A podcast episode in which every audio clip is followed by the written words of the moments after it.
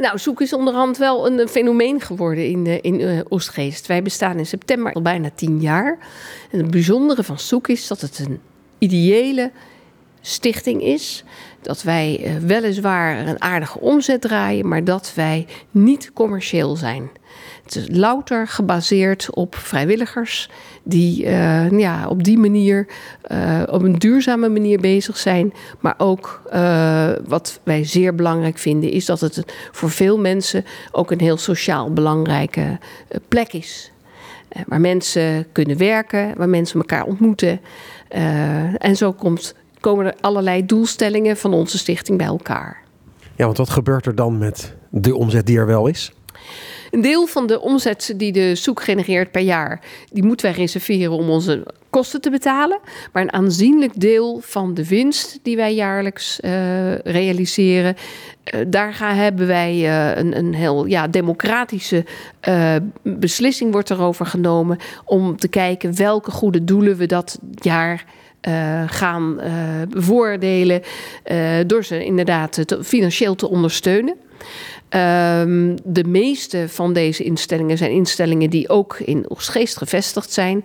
Maar er zijn ook een paar belangrijke instellingen, zoals onder andere de Voedselbank, die voor ons nou, ongeveer twee keer per jaar een, een donatie krijgt. Ja, wij geloven heel erg in uh, een circulaire uh, maatschappij.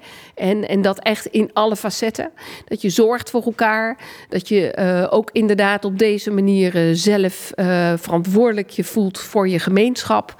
En wat ik ook een belangrijk ding vind, wij krijgen natuurlijk allerlei prachtige goederen van veel mensen die in Oostgeest worden. We vinden het ook heel goed om die gemeenschap op die manier ook weer direct te kunnen ondersteunen. Iets anders, jullie zijn op zoek naar een nieuwe plek. Ja, we zitten nu op een plek waar uh, de Leo Kannerschool gepland is.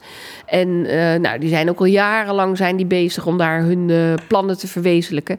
En dat is nu definitief, eind juni, is het zo dat wij echt eruit moeten en dan gaat het gebouw plat. Het lastige is dat uh, we, hoe, alhoewel we het heel goed doen, we niet op een commerciële manier draaien. En we natuurlijk afhankelijk zijn ook van de goodwill en de vrijwilligers die voor ons draaien. Dus dat wij een beetje tussen het wal en het schip in zitten.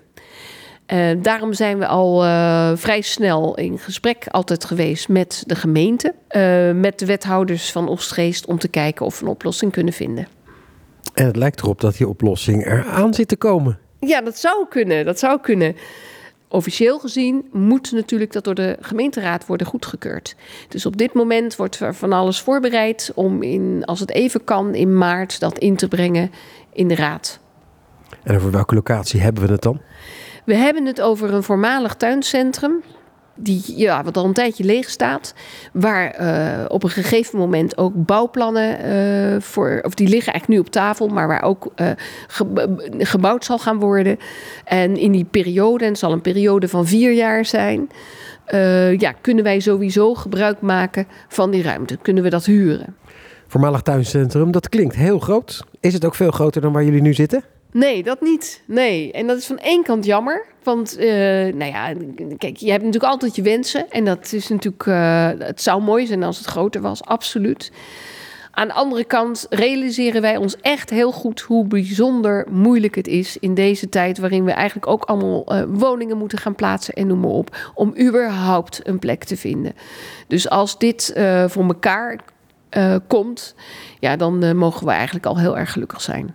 Ja het is wel echt zo dat als dit onverhoopte niet doorgaat, dan houdt het echt op hè, met de zoek. Dus het is eind juni is het erop of eronder. Het is niet zo dat we dan uh, de boel kunnen opslaan en dan volgend jaar misschien eens kunnen kijken of er wat is. Maar goed, stel je het geval voor dat dit doorgaat, ja, dan moeten we natuurlijk direct kijken op welke manier we eventueel uh, ja, verder kunnen.